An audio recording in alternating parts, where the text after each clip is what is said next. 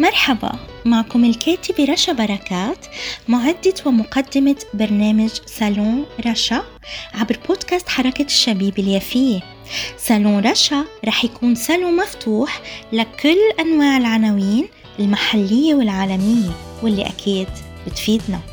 اسمعونا على منصات التواصل الاجتماعي والتطبيقات Spotify Podbean Google وابل وطبعا على الفيسبوك بصفحتي. بودكاست حركة الشبيب اليافية وحركة الشبيب اليافية سالون رشا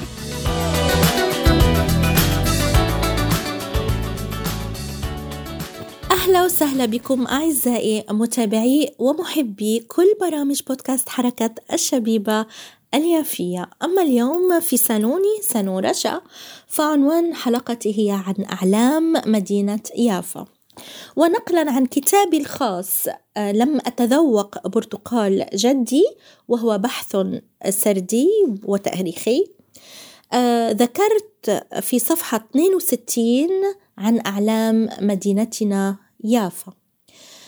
آه، وقلت كما اشتهرت مدينة يافا بمعالمها ومزاراتها التاريخية القديمة فقد خرج منها عبر تاريخها الطويل عدد من الأعلام في كل المجالات أثروا وتأثروا بمدينتهم وكان لهم علامات واضحة في صياغة تاريخها الحضاري والثقافي. كذلك أنجبت مدينة يافا الكثير من الأدباء والعلماء والشعراء والفقهاء البلغاء ومنهم على سبيل الذكر للحصر العالم الجليل أبو بكر الضرير من بلدة بيت دجن اليافية المتوفى عام 324 للهجرة. إذا هو أبو بكر الضرير. وقد كتبت للهجرة لأنه شيخ ومن العلماء المسلمين الذين كانوا في ذلك الوقت. وقد ترك رصيدا كبيرا من المؤلفات العلمية والأدبية وكذلك العلامة الحسن بن علي اليازوري المعروف بالوزير اليازوري نسبة لبلدة يازور قضاء يافا.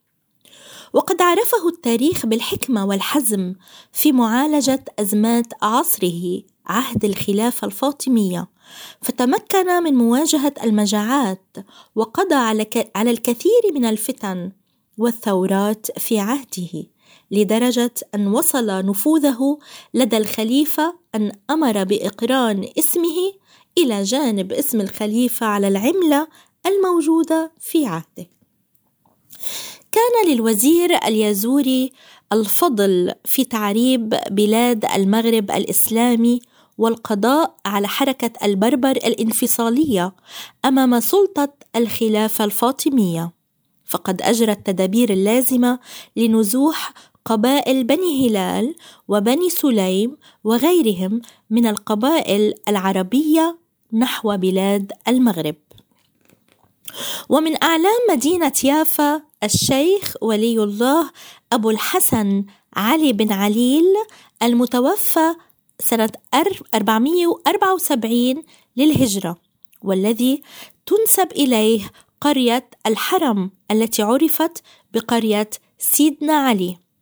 وكانت حياته مثارا للبحث من قبل العلماء والمتصوفة حيث اشتهر بالتقوى والزهد والورع الشديد. وبمرور الوقت أصبح ضريحه من أهم المزارات ومن نسبه يأتي ولي الله الشيخ عجلين الواقع ضريحه جنوبا بمدينة غزة. كما وأكمل في كتابي البحثي لم أتذوق برتقال جدي وهو من إصدار دار فواصل آه، في بيروت. وأقول وكتبت ومن أهم الأعلام في تاريخ يافا للقرن الثامن عشر والتاسع عشر هناك الشيخ العلامة أبو الوفا عمر بن محمد اليافي الذي ولد في مدينة يافا وأتقن حفظ وتجويد القرآن الكريم وهو دون العاشرة من عمره. ثم رحل إلى نابلس ومنها إلى مصر فتتلمذ على أيدي كبار العلماء والشيوخ في عصره. ثم ساح في بلاد الشام والحجاز وأسس الطريقة الخلوتية للتصوف الديني. وترك لنا تراثا كبيرا من الرسائل والدواوين الشعرية. وهناك الشيخ الشريف حسين سليم الدجاني المولود بمدينة يافا سنة 1788 ميلادية.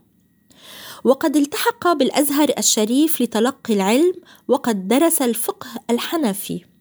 وتولى في يافا وظيفة الإفتاء على المذهب الحنفي وكان له إبداعاته في مجال التصوف وقد أفنى حياته في نشر العلم وكان أغلب شعره في مدح الرسول الكريم.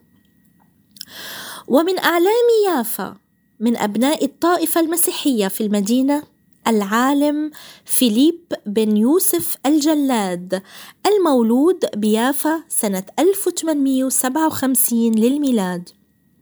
من عائلة يافية مرموقة وقد عرف عنه دراسته للقانون حيث عمل موظفا كبيرا في وزارة الحقانية هكذا كانت تعرف أي العدل. المصرية وله مؤلفات عديدة منها موسوعة من ست ستة أجزاء باسم قاموس الإدارة والقضاء الذي ترجم إلى اللغة الفرنسية. وكذلك كتاب التعليقات القضائية على قوانين المحا... المحاكم الأهلية. وكذلك هناك العالم عيسى العيسى المولود بمدينة يافا عام 1878 ميلادية. وقد تخرج من كلية الفراغ بالمدينة ومن ثم التحق بمدرسة كفتين الأرثوذكسية في لبنان. ثم واصل تعليمه العالي في الجامعة الأمريكية ببيروت. متقنا اللغات التركية والإنجليزية والفرنسية. أنشأ بعدها جريدة فلسطين في يافا. والتي كانت من أهم الصحف الساعية لكشف أبعاد مخطط الاحتلال في فلسطين. ومن أهم المناصب السياسية التي تولاها أن عمل رئيسا للديوان الملكي للأمير فيصل بن الحسين. وقد ظل كذلك حتى دخول الاستعمار الفرنسي إلى سوريا.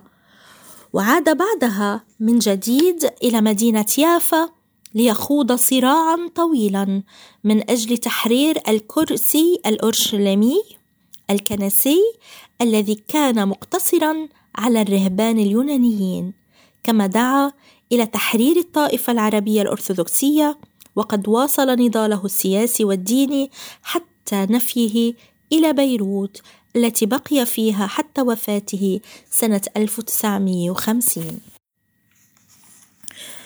وختمت عن ذكر بعض أعلام مدينتنا يافا من الطائفتين المسيحية والإسلامية. وقلت هكذا حظيت مدينة يافا بأعلام كبار. كان لهم الدور البارز في تطور النهضة الثقافية للمدينة. كذلك كالدكتور يوسف هيكل والأستاذ محمد أديب العامري الذي تولى أرفع المناصب في, البلاط الأردني. والكاتب الشاعر مصطفى درويش الدباغ. والإعلامي الكبير إبراهيم الشنطي. والإعلامي الكبير رشاد بيبي. والكاتب القصصي محمود سيف الدين الإيراني. والشاعر محمود الأفغاني.